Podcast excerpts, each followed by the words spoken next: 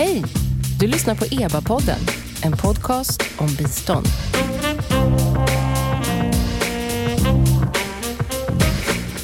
Välkomna till EBA-podden. Jag heter Noomi Östlund och den här podcasten ges som vanligt ut av Expertgruppen för biståndsanalys, EBA. Det är en statlig kommitté som utvärderar och analyserar Sveriges internationella bistånd. Var är vi och vart är vi på väg? Så kanske dagens avsnitt kan sammanfattas. Vi ska prata om, eller i alla fall ta avstamp ifrån EBAs årsrapport 2023. Det är de stora frågorna. Hur utvecklingen ser ut i världen, krig, kriser och de ljuspunkter vi kan se. Men också de något smalare frågorna om vilka som var EBAs mest intressanta studier förra året och vilka de slu viktigaste slutsatserna varit och varför det var viktigt för det svenska biståndet. Med mig i studion har jag expertgruppens ledargarnityr. Välkommen för första gången till podden Torbjörn Becker. Tackar. Du är ju EBAs helt färska ordförande. Ehm, det är säkert många som har hört det i andra poddar och i radion och liknande. Men vad, berätta, vad gör du eh, till vardags? Är det civila så att säga? Ja, mitt eh, dagjobb är ju då att jag är chef för Östekonomiska institutet på Handelshögskolan. Eh, jag sitter också i styrelsen för ett antal forskningsinstitut runt omkring i Östeuropa, inklusive då Kiev School of Economics i Ukraina. Välkommen och välkommen till EBA. Tackar, tackar. Och vid din sida eh, EBAs vice ordförande Julia Schalk. Välkommen tillbaks. Tack så mycket. För de som inte hört dig i alla andra poddar du har varit med om, vad gör du till vardags? Då jobbar jag på med vatten, sanitet och hygien på WaterAid där jag är policy och programpartnerchef. All right. Mm. Välkommen Tack båda så två. Mycket. Och eh, kära lyssnare, som ni hör, vi har två mycket kunniga personer med oss. Sannolikt också därför de är, därför de är ledamöter i EBA. Och det tänker att vi ska dra på direkt. Eh, vi ska börja med en tillbakablick. Eh, året som har gått, vad har hänt? Vad är vi? Hur ska vi beskriva den tid som har varit utifrån vårt perspektiv med bistånd och utveckling? Vem vill hugga på den? Julia? Ja, året som har gått. Tack.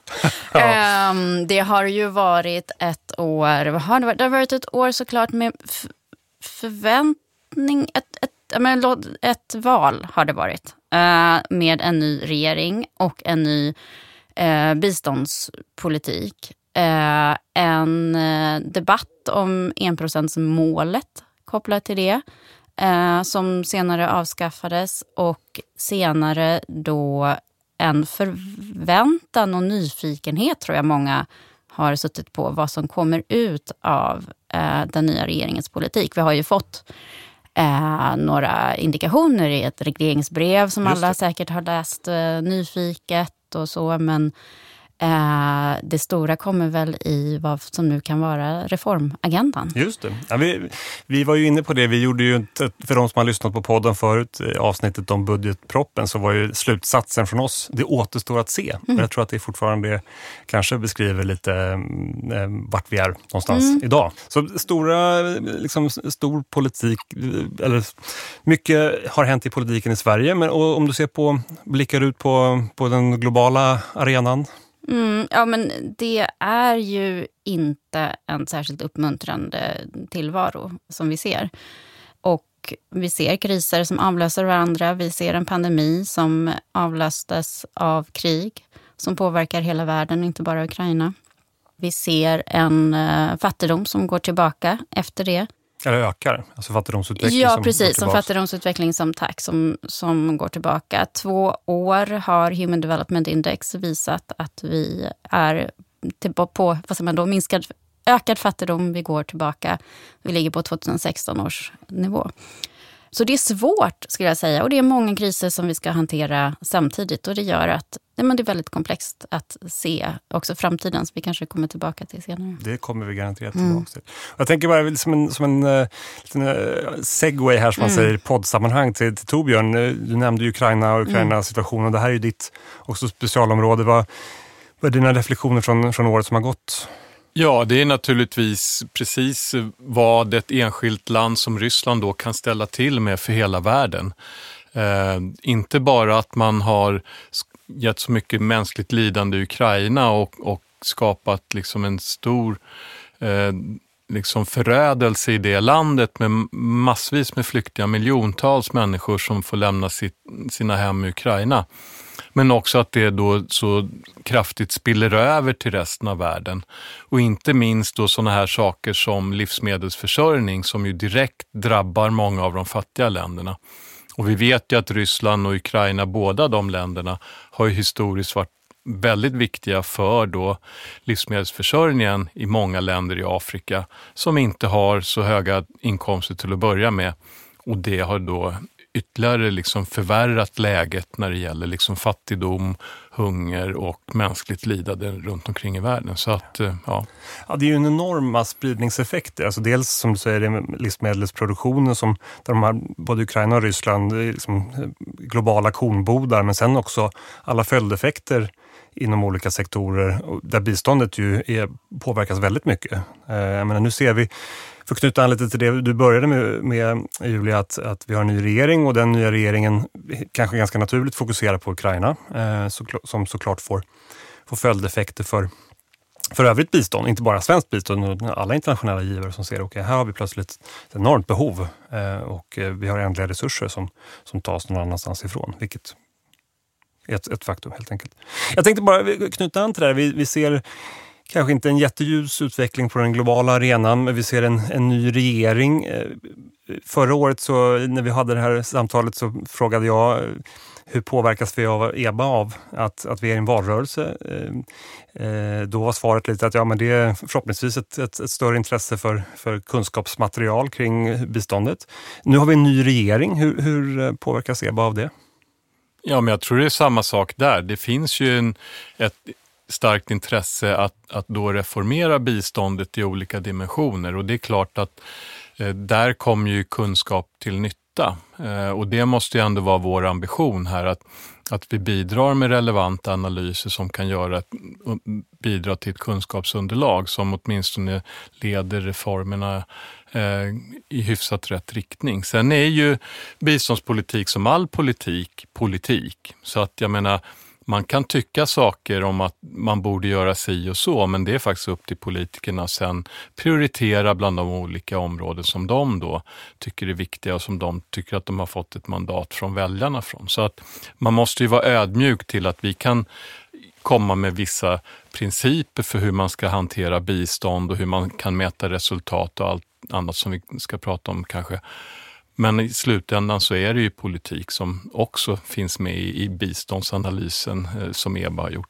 Just det, men så är det. Det är ett, ett av, av eh, temana i årets biståndsanalys och en, en, en, liten övergång till just biståndsanalys som är EBAs årsrapport eh, som presenterar expertgruppens slutsatser eller bidrag inom ett par viktigare områden. Vi försöker knyta an till de rapporter som har publicerats men också tidigare rapporter eh, för att hitta eh, de, de viktigare temana. Och I årets rapport handlar det bland annat om krishanteringsförmåga inom, inom det globala, inom biståndet, Sveriges roll inom EUs bistånd, just biståndspolitik som du, som du nämnde Torbjörn, och eh, också vilka lärdomar Sverige kan dra från, från långa samarbeten med till exempel Sverige, med Sverige, med Etiopien som Sverige har haft ett ett nästan 60-årigt samarbete med. Så det är många spännande teman i rapporten. Mm, eh, men vi ska inte bocka dem ett och ett, utan jag tänkte egentligen fråga er vilka var de mest spännande? Men jag börjar med dig Julia, du var ju också med eh, hela förra året. Så vad, vad, vad, vad tänkte du var mest spännande? Dels i, i biståndsanalys men, men överhuvudtaget förra året? Alltså det finns så otroligt mycket spännande i biståndsanalys. Jag vill varmt rekommendera alla att eh, få tag på en rapport och läsa den ordentligt. Det som slår mig, om jag får lyfta lite och inte gå ner i avsnitten, det är ju hur många rapporter tillsammans vittnar om vikten av att sätta bra mål. Vi pratar om, det finns ett avsnitt som handlar om biståndsrealism, som till väldigt mycket går ut på att vi, även vi som jobbar med bistånd kanske aktivt, inte har varit eh, antingen kommunicerat eller satt mål som kanske är riktigt realistiska, vilket också gjort att förväntningarna på bistånd har kanske varit för höga. Det finns eh, ett exempel från en, en, tidigare rapport från Uganda som visar på att målet som sattes som sätts på Uganda är ju då demokratiutveckling, ökad sysselsättning sysselsättning, jämställdhet, minskad fattigdom naturligtvis. Medan budgeten, om man tittar realistiskt, för Uganda ligger på ungefär vad det kostar att bygga en bro. I, en, en liten bro, i, en liten bro i Skandinavien. Så att där finns ju såklart kanske någonting att ta till oss i både hur vi kommunicerar eh, förväntningarna på vad bistånd kan åstadkomma, men, eh, men också bli kanske bättre på att sätta realistiska mål. Sen tycker jag att man ska nog inte helt heller överge visionära mål. Jag tycker personligen att det är väldigt bra, både i den verksamheten som jag själv arbetar i, men generellt att man ser vart man är på väg. Och det är till exempel då våra EBAs landutvärderingar kan spela en väldigt stor roll och kanske förhålla sig till då de här mera visionära målen som ökad sysselsättning eller minskad fattigdom eller jämställdhet, MR demokrati. Och där är ju Etiopien-studien igen som du nämnde eh, väldigt intressant. Och där målen handlar då kring landsbygdsutveckling och utbildning men också demokrati, mänskliga rättigheter och jämställdhet. Och där det då igen blir tydligt, det jag får koppla tillbaka till ursprungsfrågan, blir väldigt tydligt hur också mål i sig kan bli målkonflikter. Där man sätter då de här höga ambitionerna. Och i Etiopien, vad som hände, det var ju att man drog tillbaka biståndet efter millennieskiftet när landet blev mer och mer auktoritärt för att det då inte gick att uppfylla mål kring demokrati och mänskliga rättigheter.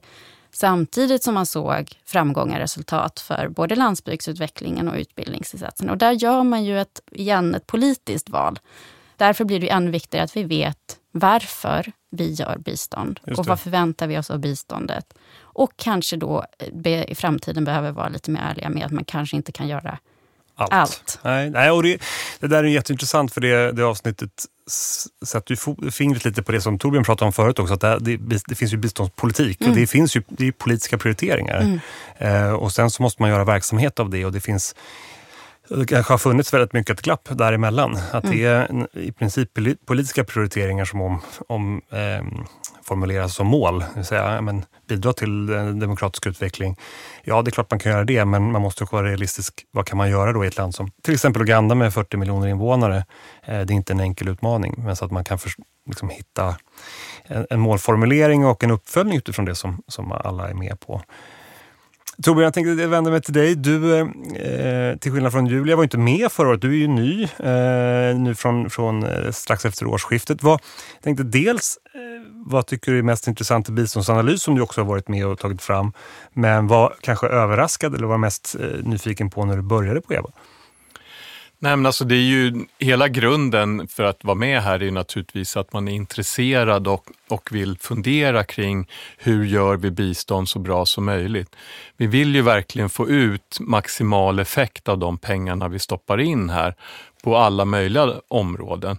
Så att jag skulle också vilja lyfta fram det här med biståndsrealismen, att, att, att ha en, en öppen och vettig diskussion om vad vi kan förvänta oss av biståndet. Och också ibland de här diskussionerna som kan vara knepiga kring att ibland försvinner pengar på vägen i bistånd precis som det gör i alla verksamheter och det måste man också vara beredd. Och ska man vara i väldigt stökiga områden så är det också ytterligare försvårande omständigheter. Så det här med att vara realistisk när det gäller att, att fundera kring både mål och vad vi kan åstadkomma och hur, vad det är vi faktiskt kan göra, det tycker jag är helt centralt.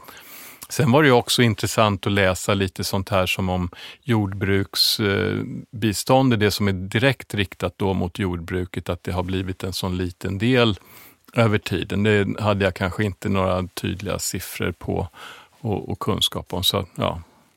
Den är spännande med tanke på att hur många som är beroende eh, av, av jordbruk i utvecklingsländer så är det ju intressant att det har blivit en sån liten del av för svenska biståndet samtidigt som man förstår när man eh, liksom börjar gräva i de här att, att eh, det kanske är kodat som något annat, eh, att man gör eh, jordbruksinsatser som är kodade som sysselsättning för det handlar också väldigt mycket om sysselsättning för, för många människor. Så det, det är inte alltid helt lätt heller att förstå de här verksamheterna. Och det är någon, en annan intressant slutsats i många av, av EBAs studier. Ja, knyta an till den, för det som tillbaka till då de landutvärderingar EBA gör, så när vi då tittar på den här rapporten som tittar på jordbrukssektorn och jämför den med Etiopien, där då eh, det som då målet var landsbygdsutveckling. Eh, där det då gick bra för att det fanns, eh, vad jag då förstår utifrån också regeringen, då, den dåvarande i Etiopien, ett ägarskap kring frågan. Man kände här, vi, vi är med och stöttar det här, det här är en dialog som sker mellan Sverige och Etiopien och Eh, vi, eh, det finns ett ägarskap kring att, att utveckla landsbygdsutvecklingen. Medan en annan landutvärdering som tittar på Bosnien och Hercegovina, där man gick in då efter Balkankrigen eh, och stötte även där jordbruksutveckling, men där inte lyckades så bra. För att, antagligen för att dels Bosnien och Hercegovina var redan ett medelinkomstland innan kriget och hade liksom redan gått över den fasen. Och troligtvis fanns det inget riktigt ägarskap hos regeringen för, eh, för jordbruksutveckling. Och trots det, av skäl jag inte känner till, så gick Sverige in och stötte just det här området. Eh, så det visar ju på, också tillbaka till principen kring ägarskap, som vi också kan lyfta fram när vi jämför de här landrapporterna, eh, hur viktigt det är. Just det, en ständigt återkommande mm. framgångsfaktor eller effektivitetsfaktor också. Jag tänkte en, ett annat tema som vi inte har touchat på lite, vi pratat lite om just eh, relationen till partnerländer. En, en annat tema i, i biståndsanalys är just arbetet med andra givarländer, framförallt EU då är ett, ett eh, fokus. Och, och vi har haft antal rapporter under året som fokuserar just på Sveriges roll i EU eh, och vad vi kan, hur, hur, vi kan utveckla det. Vad, vill ni säga några ord om det? Ja, alltså det, det, är väl först och främst den allmänna kommentaren hur viktigt det är att, att givare koordinerar sig.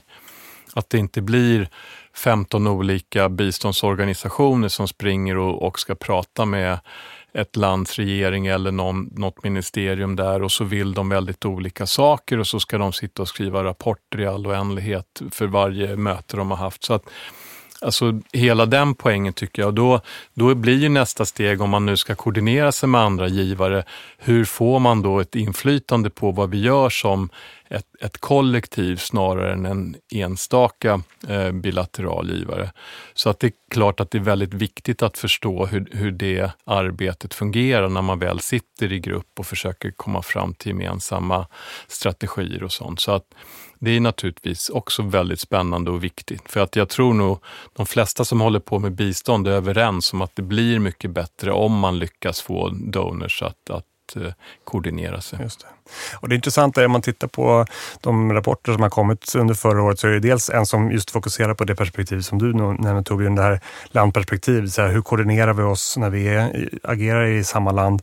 Sen också studier som tittar på Brysselperspektivet och där är ju mer såklart samma premiss. Hur jobbar vi tillsammans med EU? Och där är ju utformningen av unionens bistånd som är en, en stor del av, av det svenska biståndet går ju till EU-medlemskapskostnader för att en stor del av EUs budget är bistånd. Den enskilt största biståndsgivaren. Och såklart också en, en internationell aktör i sig. Så att Sveriges inflytande i EU är en enorm hävstång för svensk utrikes och utvecklingspolitik. Och där är det roligt att se att där har vi faktiskt en studie som visar att Sverige har varit väldigt framgångsrika. Så det tycker jag var personligen en av de mer spännande studierna förra året. Mm. När man tittat på vilket inflytande ett så relativt litet land som Sverige kan ha i, i den typen av... Ja, men det tycker jag också var en ganska eh, kul läsning, kan man säga så. Jo, men det var det. Och det, det ser man ju att de framgångsfaktorer som listas där just för att Sverige, som visar precis som du säger, att Sverige har haft inflytande. Och då har man tittat särskilt på den process då som var att ta fram det här långt namn som heter Instrumentet för grannskap, utveckling, internationellt samarbete. Eh, och framgångsfaktorerna var där ett engagemang för utvecklingsfrågorna, att de som förhandlar hade kompetens och kunskap kring utvecklingsfrågor, att man var väldigt aktiva i förhandlingarna sig. Och eh, man byggde koalitioner, tycker jag var intressant. Man lyfte särskilt sexuell och reproduktiv hälsa och rättigheter som ett område där eh, som ju, där medlemsländerna tycker väldigt olika, men där Sverige har det som en väldigt tydlig prioritering. Att man lyckades väl just för att man lyckades bygga koalitioner. koalitioner. Mm. Och jag tycker det där är en intressant slutsats, för det är någonting som också återkommer i väldigt många EBA-studier. Värdet av kompetens och personalresurser. Alltså att man behöver ha folk som kan frågan och har tid. Mm. Alltså det makes sense såklart. Det är ju inget, liksom inget som, som ingen rocket science så, förstår det, men det är verkligen någonting som återkommer ändå som framgångsfaktor. Jag tänker eh, framgångsfaktor och liksom positivt här är något vi kan tänkte ta, ta med oss här lite till den sista avdelningen i vårt samtal. Om ni ser en framåtblick, är det får ni med den positiva känslan när ni tänker på vad, vad kommer vara de viktiga frågorna framöver och hur ser ni, hur tror ni att det kommer se ut här närmaste, närmaste året eller framöver inom, inom det globala men också det svenska biståndet? Ja, alltså jag tror att vi kommer vara fortsatt rätt fokuserade på vad som händer i Ukraina. Rysslands anfallskrig i Ukraina kommer liksom styra dagordningen för bistånd och utrikespolitik och säkerhetspolitik. Eh, vi är ju en del av Europa och EU också och de här diskussionerna är ju helt eh, centrala just för de här institutionerna i Europa som håller på med det här. Så att det kommer eh, som sagt vara i fokus tror jag så länge det här kriget pågår. Men sen också när liksom verkligen läget kommer för att, att starta den stora återuppbyggnaden av Ukraina. Så att jag ser nog framför mig att det här kommer hålla på eh, långt in till min pension så att säga. Så att eh, det, det lär nog vara eh, på tapeten. Men sen tror jag att i det då så måste vi hantera de här andra utmaningarna, nämligen att det är inte så att resten av världen helt plötsligt mår mycket bättre. Så vi måste komma ihåg att, att det finns andra länder runt omkring som behöver vårt stöd och vår hjälp. Och vi vet hur kostsamt det är när det blossar upp konflikter och det blir stora flyktingströmmar och det mänskliga lidande som kommer med det. Så att vi, vi måste klara av att hålla de här tankarna i huvudet samtidigt. Stötta Ukraina på en, en betydande nivå utan att kompromissa med alla andra länders eh, bistånd som vi skickar till dem. Ja, det är, nu är vi tillbaka där vi inledde lite just den här eh, multikrisen. Vi har inte ens nämnt klimatfrågan än utan vi har pratat om fattigdom, vi har pratat om pandemin, vi har pratat om Ukraina och så har vi klimat, eh, klimat eh, Eh, krisen också dessutom.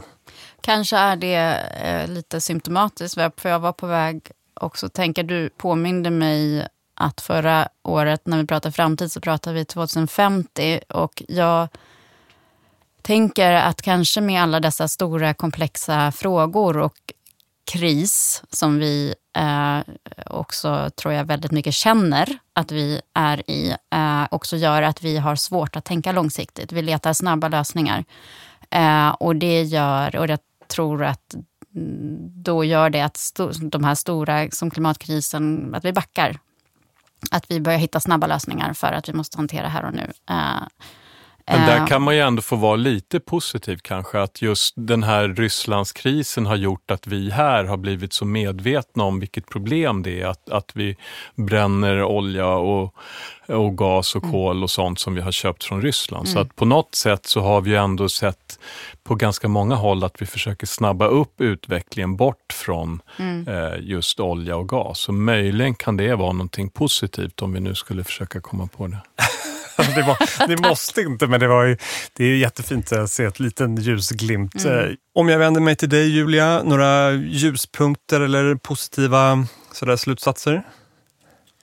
Uh, jag har svårt att kanske ge några positiva uh, ljuspunkter kring de stora dragen i världen. Men om vi får uh, ta med oss en positiv lärdom från förra året och utvärderingarna vi. som vi har gjort. Så Eh, kan, har, vi, har vi en utvärdering som Eba gjort kring eh, hur Sverige hanterade biståndet under pandemin.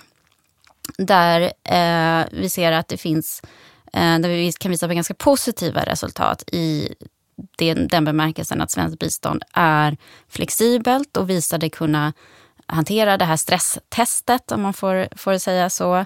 Eh, vi såg att positiva faktorer där var den decentralisering som ju Sida och biståndet har plus också kärnstöd där, som då innebär att många organisationer som får bistånd kunde snabbt ställa om. Eh, och jag tänker det ger ju ändå en lärdom kring vad som vi ska bygga vidare på. Just det. Ja, men det stämmer bra. Det finns en, för den som vill grotta sig ner sig i det finns det ett helt eh, eget poddavsnitt där vi eh, pratar om just eh, de lärdomarna som ju var ganska positiva mm, faktiskt mm, mm. i, i den kris som, som pandemin var och fortfarande är. Men kommer vi ha, om vi, verkligen zoomar in, kommer vi ha när vi sitter här och sammanfattar eh, det här året, eh, nästa års podd, kommer vi ha ett tydligt svar på eh, reformagendan Det får man väl hoppas. Det tror jag. Jag tror, att, absolut. jag tror att det kommer finnas en politisk riktning. Mm. Eh, sen finns det ju myndigheter och styrinstrument och ett rättsväsende som ska, som ska anpassa sig till det. Men jag Visst. tror vi kommer ha en, en, en politisk riktning. Vi har den politiska riktningen och sen så tar absolut, det tar ju tag för Mm. styrsignaler och regleringsbrev och strategier och annat att Mm. eh, justeras. Absolut. Eh, bra, vi har pratat om de stora frågorna. Eh, vi har pratat om de mer eh, praktiska frågorna och med det tänkte jag tacka er för det här samtalet. Tack Julia Schalk, vice ordförande i EBA. Tack!